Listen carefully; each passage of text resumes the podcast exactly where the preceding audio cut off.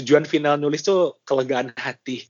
Karena tukar takdir ada 12 cerita kan, jadinya aku nerima beberapa email pembaca dengan background yang berbeda-beda dan masalah yang beda-beda juga. Kayak misalnya hmm. beberapa kali ada surat dari pembaca yang juga mengalami KDRT. Di hmm. salah satu cerpen itu kan aku nulis tentang tipe pasangan yang manipulatif kan, yang gaslighting itu loh.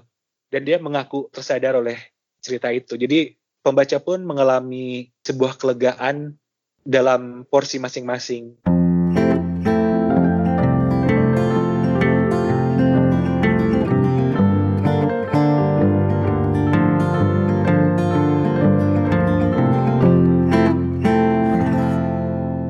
aku Peti dan kamu lagi dengerin podcast Main Mata yang didukung oleh jaringan Potluck Podcast. Podcast Main Mata adalah podcast buku yang ngebahas banyak hal seputar dunia buku, mulai dari obrolan dengan para pelaku, rekomendasi buku, pembacaan cerpen, sampai tantangan untuk kamu para pembaca. Di bab ini aku ngobrol dengan Fabio. Dia ini novelis dan cerpenis yang udah nerbitin cukup banyak buku, yang terakhir itu buku kumpulan cerpen Tukar Takdir yang diterbitin oleh Gramedia Pustaka Utama tahun 2019 lalu. Kalau baca ceritanya Fabio, aku yakin kamu pasti akan senyum-senyum sendiri karena sering kali disampaikan dengan banyak banget humor walaupun tema yang dia angkat juga cukup banyak yang serius. Nah, di sini Fabio nyeritain alasan dia dulu pertama kali mulai nulis. By the way, dia mulai nulis dari umur 8 tahun loh.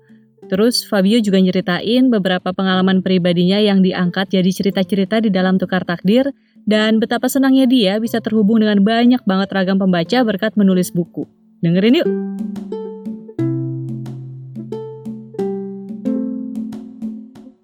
Halo Fabio. Halo Peti. Iya, halo lagi. Halo juga.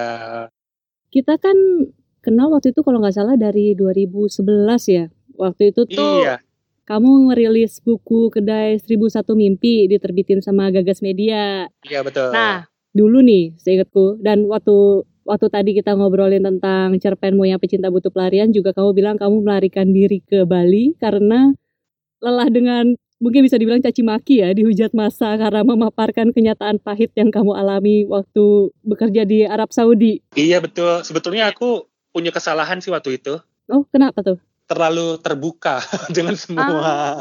Maksudnya aku kan buka warung kan waktu itu di mm-hmm. dekat rumah. Warung ngebul ya? Iya warung ngebul. Mm-hmm. Jadi orang-orang itu sangat mudah untuk mengakses rumahku. Dia mereka tahu mm-hmm. gitu. Mereka tahu kakakku, tahu mobil keluarga. Jadi gampang banget untuk mereka berbuat keji. Kayak misalnya meneror lah, tiba-tiba kirim email, email tanpa identitas itu aku lupa ya. Surat kaleng gitu lah ya? Betul ya ya kayak iya surat kaleng dan mereka itu menyebutkan nomor mobil bokap lah, mobil teteh kan tuh agak-agak mengerikan ya. Anjir serem juga ya. Iya, jadi wah ini harus jaga jarak nih dengan mereka, juga termasuk jaga jarak sama keluarga. Kalau dulu kan maksudnya jaga jarak dengan keluarga di sosial media ya. Sekarang aku udah aku udah nggak pernah lagi tuh posting-posting ketemu kalau lagi sama nyokap sama kakak tuh nggak pernah lagi tuh. Oh dulu tuh sering ya, maksudnya lagi ngapain sama keluarga gitu ya? Iya, kan aku juga pengen pamer keluarga aku tuh bahagia gitu kan oke baik sekarang udah buat ini aja deh buat pribadi aja buat personal oke nah kalau sampai hari ini nih setelah kamu menerbitkan tukar takdir baru terbitkan tahun lalu apakah kamu masih mengalami ada orang-orang yang mungkin jahiliyah seperti itu udah udah nggak separah dulu sih karena di Ubud juga kan orang-orang mungkin di sini pada cuek ya. Hmm. Ya wong di sini orang-orang udah sering banyak bintang Hollywood. Siapalah aku. Maksudnya nengok, nengok kiri, oh Alicia Silverstone. Terus nengok kanan, siapa sih yang kemarin penyanyi itu John Legend. Oh. Kalau aku siapa lo, ngapain lo belagu. Jadi ya udah. Itu yang aku suka di sini pada cuek gitu. Hmm, oke. Okay. Dan sekarang udah mulai ini nggak tahu nggak tahu bagus apa jelek ya. Hmm? Kalau di Twitter apa Instagram udah ada yang macem-macem aku biasa aja sih menanggapinya uh-uh. Udah nggak sakit hati gitu jadi udah udah jadi kayak wajar aja kewajaran yang baru kalau berarti dulu awal-awal kayak bete kalau misalnya ada yang ya mungkin nggak langsung berarti di sosmed pun mereka ngomong aneh-aneh dulu ya waktu aku di warung ngebul kan sering jagain warung tuh mm -mm. terus ada salah satu ruangan di belakang yang mana aku suka tidur di situ kan mm -mm. Nah, waktu itu aku tidur, pas bangun-bangun ada mention di Twitter. Oke. Tahu nggak di mention itu ada fotoku lagi tidur dalam posisi yang sangat tidak bagus. Ya maksudnya perut ke mana-mana lah apalah. Terus komennya ya ampun jahat banget. Bilang apa? Yang ya ampun Fabio tuh aslinya gendut banget, jelek, ih, gitu, yang gitu-gitu kan. Aku tuh kayak sedih, nangis, kayak kenapa? Kenapa aku dibenci karena gendut ya? Oh, ya ampun. aku tuh aku tuh merasa nggak fair gitu. Aku kan penulis bukan model, kenapa aku harus ganteng gitu ya. Itu kepikiran banget. Kalau sekarang ah bodo amat. Kalau misalnya iya asli jelek emang. Sekarang kalau ngeliatin apa di Twitter atau di Instagrammu kan kadang kamu suka share ya. Ada masih ada aja komentar-komentar aneh nan lucu itu kan. Ada itu aku suka jawabanin sih. Jawabanmu tuh lebih lucu lagi sih sebenarnya. Kayak kemarin terakhir nih ada kan aku suka lupa ya sama wajah dan nama orang ya. Mm-mm. Terus eh, misalnya, hey misalnya aku aku Dian, ingat nggak? Enggak, aku nggak ingat kayak gitu. Terus eh mentang-mentang udah jadi penulis terkenal, lupa sama temen ya. Terus ya aku reply, iya. Sekarang aku kan bangsawan kenamaan, jadi aku juga ingatan pilih-pilih, jadi kayak gitu. Sekalian. Kalau kayak gitu dia balas gimana sih? Dikira bercanda atau dia ditanggepin serius? Ah, rata-rata kalau teman pada tahu bercanda sih, malah mereka juga suka nyengajain kok, sengaja Oh, bikin oke. marah. Aku pengen nanya dulu sebenarnya sebelum kita ngobrolin ke tukar takdir nih yang baru terbit tahun lalu. Awalnya kamu jadi penulis tuh sebenarnya tujuannya apa sih? Kalau ngomongin awal penulis tuh berarti dari tahun 88. 88. Oke, umur berapa tuh? Itu 8 tahun. Oh, eh, kamu umur tuh? berapa tahun 88? umur 3 tahun. Wow. Oke. Jadi waktu itu emang udah emang sering cerita, tapi konsepnya buku diary waktu itu. Jadi Mhm. nulisin pengalaman, pengalaman lagi main petak umpet lah, pengalaman lagi uh, piknik di mana lah, kayak gitu ya. Hmm. Terus aku kirimin tuh ke majalah Bobo, terus dimuat. Kan seneng banget tuh. mm-mm. Dan Bobo ngasih hadiah waktu itu. Hadiah kayak hadiahnya cuman kaos aja sih, kaos yang kekecilan yang akhirnya jadi kain pel juga. Cuman aku happy banget. Jadi oh ternyata nulis tuh bisa bisa dapat hadiah ya waktu itu kan otak otak anak kecil lah ya. Terus Mhm. dapat dapat surat pena. Kamu ngalamin gak sih surat-suratan pena gitu pakai pakai surat pos? Pernah kok, iya. Surat-suratan zaman SD. Heeh. Iya itu tiap hari sekitar 5 apa 10 itu sampai selemari loh suratnya dari dari Sabang sampai Merauke. Oh, itu dari pembacanya Bobo gitu ya? Iya, dan Ah, suratnya tuh lucu lucu-lucu yang halo kalian yang lagi asik di meja belajar. Ya gitu gitu. Surat. Terus yang halo numpang goyang tinta ya. gitu-gitu. Iya, lucu banget. Iya tuh aku bikin ketagihan loh kayak seneng aja bikin cerita, bikin uh, nulis surat. Jadi kenapa menulis karena emang suka cerita aja, Hmm, oke. suka cerita dan suka dapat perhatian. Terus ada ini nggak? Ada perkembangan nggak? Abis itu kan berarti nggak pernah berhenti nulis tuh dari umur 8 tahun ya? Oh, sempat berhenti waktu SMP. Oh sempet. Suka diceng-cengin sama teman-teman. Kenapa? yang mereka bilang laki-laki kok nulis diary sih gitu kan soalnya aku tiap lagi pelajaran tuh pasti di belakang buku tulis tuh aku nulis pengalaman Ah. sehari-hari terus sejak itu ya udah aku kayak jadi berpikir kan masih gampang kepengaruh kan kepengaruh komen teman-teman terus Hmm. iya ya nggak ngapain sih nulis-nulis jadi ya udah tapi larinya ke musik waktu itu jadi suka dengerin musik Hmm, coba ngeband kayak gitu-gitu oke. Vakum berapa lama tuh? baru mulai serius nulisnya itu pas kerja di radio. Kerja di radio tahun 2001. Berhentinya kan SMP kali ya, sekitar umur eh, 15-an. Mulai nulisnya umur 21, berarti 2001 kan. Nah, di radio itu aku jadi penyiar, terus jadi produser. Nah, pas produser kan sering nulis artikel tuh, eh, nulis skrip, skrip buat penyiar-penyiar yang lain. Akhirnya ya udah mulai mulai kegali lagi hobi bercerita dan hobi ngarang. Akhirnya ya udah deh, dari beberapa cerita itu aku kembangkan jadi novel novel pertama terbit tahun Hmm. 2007 gitu dan teman-temanku yang suka ngeceng-ngecengin itu yang Hmm. ngecek-ngecek itu sekarang pada nulis diary juga kok di Instagram Diarinya pindah ya? eh diary pindah ke digital Memang berarti kamu mau format tulisannya mau novel, mau cerita pendek, semuanya memang ya seperti yang kamu bilang juga ya berdasarkan pengalaman pribadi, terus mungkin ya abis itu difiksiin.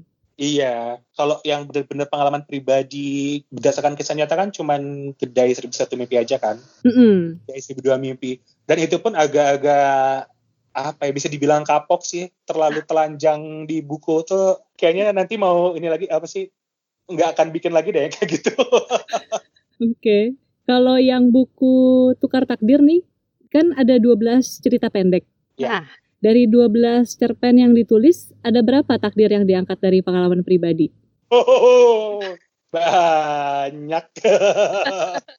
Ingat cerita yang warung Betawi nggak? Warung Betawi tuh yang centong ajaib yang ada oh, mistis-mistis iya. warung itu. Oh iya ingat. Itu ada dua cerita sebenarnya perpaduan antara cerita sendiri atau di warung ngebul Mm-hmm. Sama ada warung langgananku di Ubud yang punyanya mak-mak Betawi. Nah kayak gitu dah ngomongnya dah, kayak gini dah. Tapi kemistisannya? Nah waktu di warung ngebul itu banyak banget pet yang kiriman-kiriman aneh gitu tapi dalam bentuk kayak misalnya di atap warung kita nemuin ada tanah merah yang dicuri itu tanah kuburan.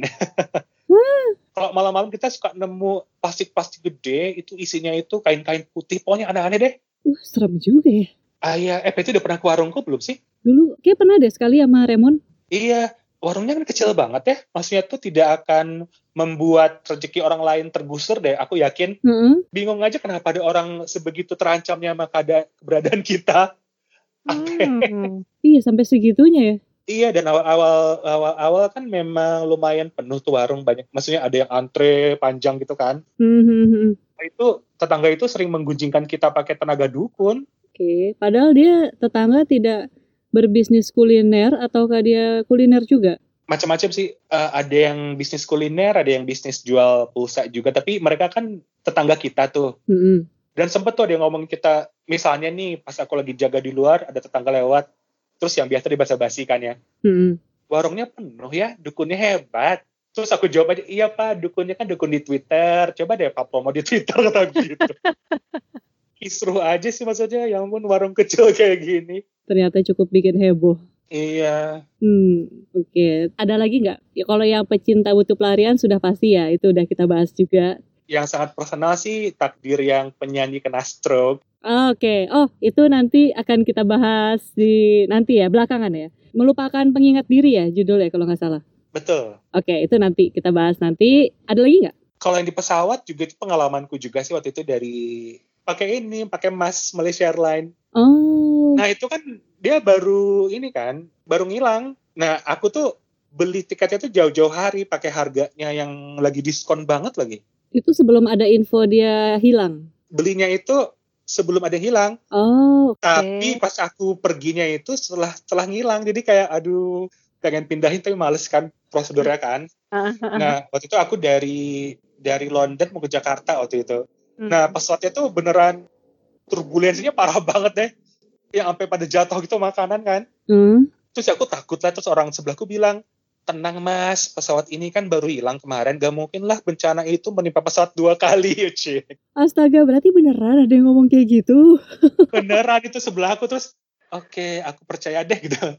Eh nggak lama dari situ Malaysia Airlines kena bom kan kalau nggak salah. Eh iya ya, aku lupa. Iya jadi oh ternyata memang bisa terjadi dua kali loh bencana itu kita tuh sok tahu manusia itu nggak ada nggak ada rumus itu takdir tuh kita nggak pernah tahu. Aku okay. tercengang banget sih akhirnya dia ya udah nulis deh di situ ditukar takdir.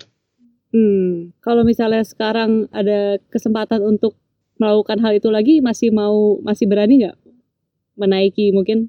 Atau melakukan sesuatu yang sebelumnya sudah punya track record buruk? Enggak sih.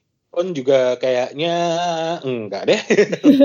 Yang lokal itu kan waduh. Waduh iya itu jangan ya tidak deh. Itu kayaknya udah jadi syarat utama deh kalau aku ada panggilan talk show gitu.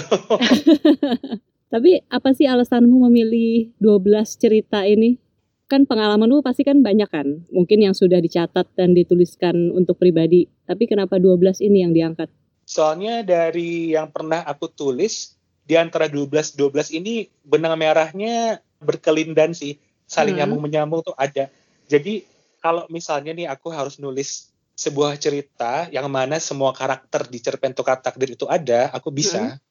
Ada kayak apa ya, grand story itu aku udah siap. Oh oke, okay. seperti apa tuh? Yang melibatkan semua karakter di cerpen tukar takdir.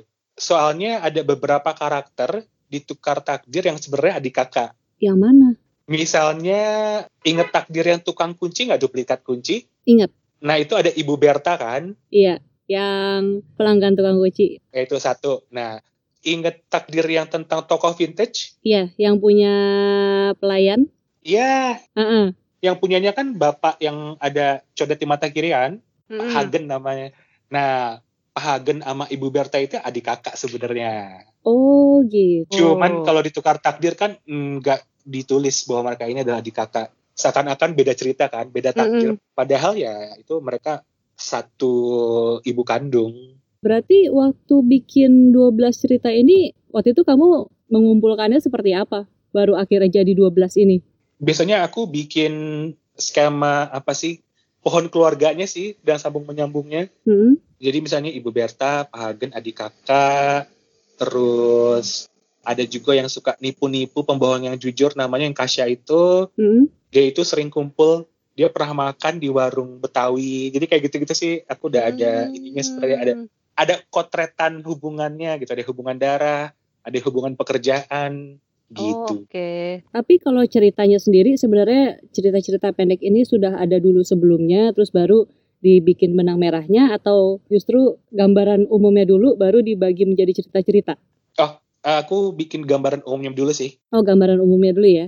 iya itu kayak kotretan kasarnya aja sih Hmm. sesimpel pohon keluarga aja ini Hmm. ini mereka adik kakak terus mereka punya anak ini kayak gitu-gitu Ada nggak pengalaman paling seru pas lagi nulis si tukar takdir ini? pengalaman paling seru itu Waktu itu bikinnya proses nulisnya berapa lama ya? eh, sekitar setahun yang paling seru itu justru pas launching sih Kenapa tuh? launching di Jakarta lagi ada desas-desus kerusuhan itu loh aku lupa aku di Cikini kan Heeh. yang ada ancaman bom itu loh masih hubungan dengan pemilu Bom di ini ya? Di istana bukan sih? iya pokoknya yang semua jalanan Jakarta itu dipakai pagar kawat berduri itu kan Heeh, heeh, heeh, heeh. dan waktu itu kan ada pengumuman ada jalanan Jakarta yang nggak boleh dilalui orang salah satunya Cikini tempat buku launchingku itu launching bukuku itu jadi itu ini banget sih agak-agak jiper gitu pas lagi launching Waduh, terus gimana tapi pas selama launching? alhamdulillah sih ada yang datang cuman sebagian itu nggak bisa karena ketakutan. Maksudnya kan kita menerima reservasi kan? Hmm. cuman ya gitu pada pada takut datang ya kita juga takut sih di venue. Takut tiba-tiba ada apa gitu. Udah gitu ini kasihan deh teman-temanku kan eh, ini ya multi etnis di Jakarta. Heeh. jadi eh, beberapa yang nggak datang tuh Pap sorry ya lu tahu kan gue Chinese gue takut banget kena bom. Aduh ngeri banget kata gue Oh, jadi kemarin iya, iya, iya. agak-agak ini banget sih agak-agak riskan gitu. Jadi ya itu sih pengalaman yang tak terlupa. Tapi kalau mau diundur juga kasihan yang emang udah mau dateng ya. iya dan waktu itu aku di Jakarta itu dari beberapa hari sebelumnya karena ada rangkaian kunjung media juga buat promosi. Jadi kalau mau diundur kayaknya capek banget sih Oke. Nah, ini kan aku sebelum ini sempat bikin di podcast Main Mata bab rekomendasi buku Tukar Takdir. Terus di situ aku cerita nih pas baca tuh aku ngerasa kamu kayak lagi marah banget. Sebenarnya itu Dan- itu selalu Bener ya? iya banyak unek-unek Apa sih yang dirasain pas lagi nulis di Tukar Takdir ini? eh tapi ngomong-ngomong menurutmu Hmm. takdir yang mana yang paling membuatku marah Hmm, mungkin karena rasanya tuh penuh dengan kekerasan sih yang tentang yang tentang perempuan ini influencer. oh iya itu penuh kekerasan terus juga ya KDRT ya di dalam rumah tangga terus si perempuannya ini pun meskipun dia ya dia juga kasihan sih dipukulin sama suaminya tapi dia juga fake banget gitu Iya, kayak masing-masing punya ini ya plus dan minusnya dalam karakter kehidupan. Iya Iya dan itu sebenarnya curhatan salah satu teman baik sih, oh oke yang mana memang dia mengalami kekerasan, mengalami KDRT, tapi kalau di Instagram ya gitu tetap apa ya mesra-mesra. Hmm. Jadi ya itu cukup inspiratif sih. wah Ngomong-ngomong Itu- tadi perta- tapi pertanyaanmu berat- apa ya Pet? itu ya ngerasa tadi marah banget terus juga pas lagi nulis nih yang dirasain apa sih Oh lega sih, karena bisa ya ke- kebayangan kalau udah marah banget terus bisa me- apa ya melampiaskan unek-unek lewat karakter-karakter fiksi itu ada perasaan lega banget sih. hmm Dan aku tuh kan seneng banget ngomong sendiri ya. oh ya Nah kalau dalam nulis fiksi itu kayak semacam ada pemakluman kalau kita ngomong sendiri. Jadi kayak oke lu boleh gila kok kalau nulis fiksi, diizinkan untuk Oh. ngomong sendiri. diizinkan ngomong sendiri lewat karakter yang kita bikin. Hmm. Iya, terus diizinkan untuk berbohong, berbohong yang jujur. Maksudnya kan fiksi bohong kan, tapi orang-orang Iya. tahu bohong, jadi jujur kayak gitu. Iya iya benar. Beda kayak kalau nulis suatu kedai seribu satu mimpi itu ya jujur bener-bener jujur ya nggak bisa di dipoles-poles gitu nggak bisa. Iya, malah justru ada beberapa hal yang dikurangin kan sebenarnya. Ah iya kalau di fiksi sebenarnya bisa dilebay-lebayin malah. Bener, dan itu sebenarnya ada, ini ngomongin balik lagi ke kedai ya, Mm-mm. ada dua karakter yang aku singkat, aku rangkum jadi satu karakter, biar nggak terlalu banyak sebenarnya. Hmm. Tuh. Ya udah ini, ini aku bongkar rahasia deh. Ingat gak ada karakter namanya Bambang tuh di kedai 1001 mimpi. Bambang itu aslinya dua orang. Oh gitu.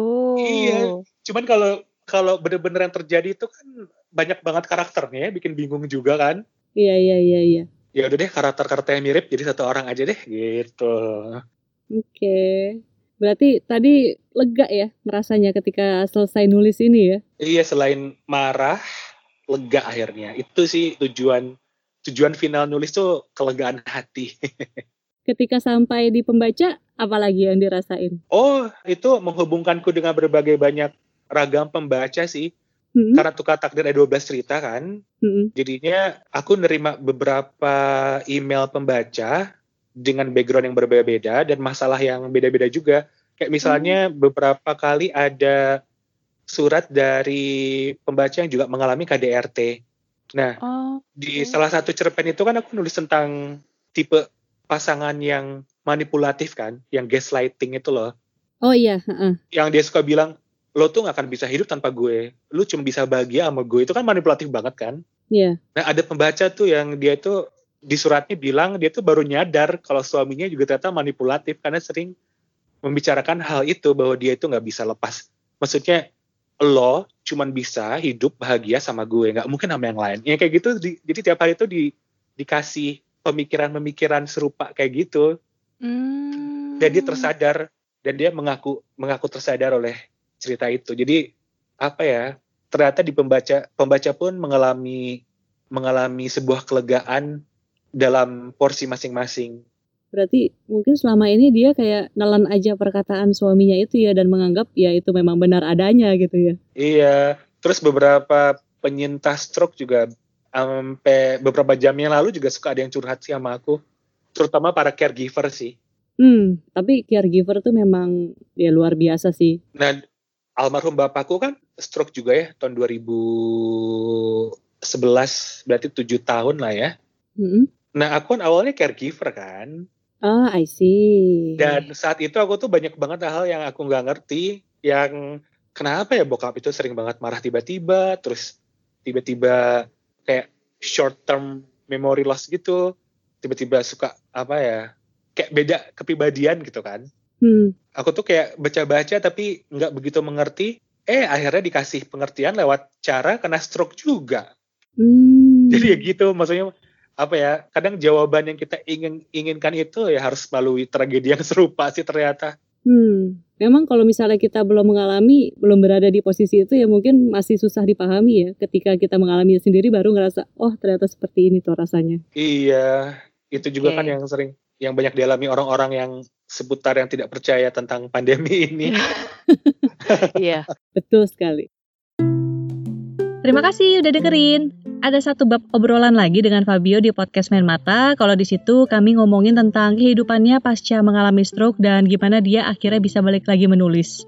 Terus podcast Main Mata juga membuat versi audio dari cerpennya Fabio di buku Tukar Takdir, judulnya Pencinta Butuh Pelarian. Dan ada juga obrolan singkat dengan Fabio soal cerita di balik cerpen ini, jadi dengerin juga ya. Lalu, kalau kamu suka dengan konten yang kami sajikan, kami akan sangat berterima kasih sekali jika kamu mau merekomendasikan bab ini atau podcast Main Mata secara keseluruhan ke teman-teman kamu yang suka baca. Mau kasih saran atau masukan juga boleh, bisa lewat Instagram di @patricia.wulandari atau @potluckpodcast. Kalau di Twitter bisa di @patipatigulipat atau di @podcastpotluck. Terus, jangan lupa follow juga podcast Main Mata di Spotify dan beri dukungan untuk jaringan Potluck Podcast dengan follow dan subscribe di SoundCloud, YouTube, dan lainnya. Untuk informasi lengkap seputar episode terbaru yang akan tayang dari channel-channel podcast yang ada, follow jaringan Potluck Podcast di Instagram @potluckpodcast. Sampai jumpa lagi. Dadah.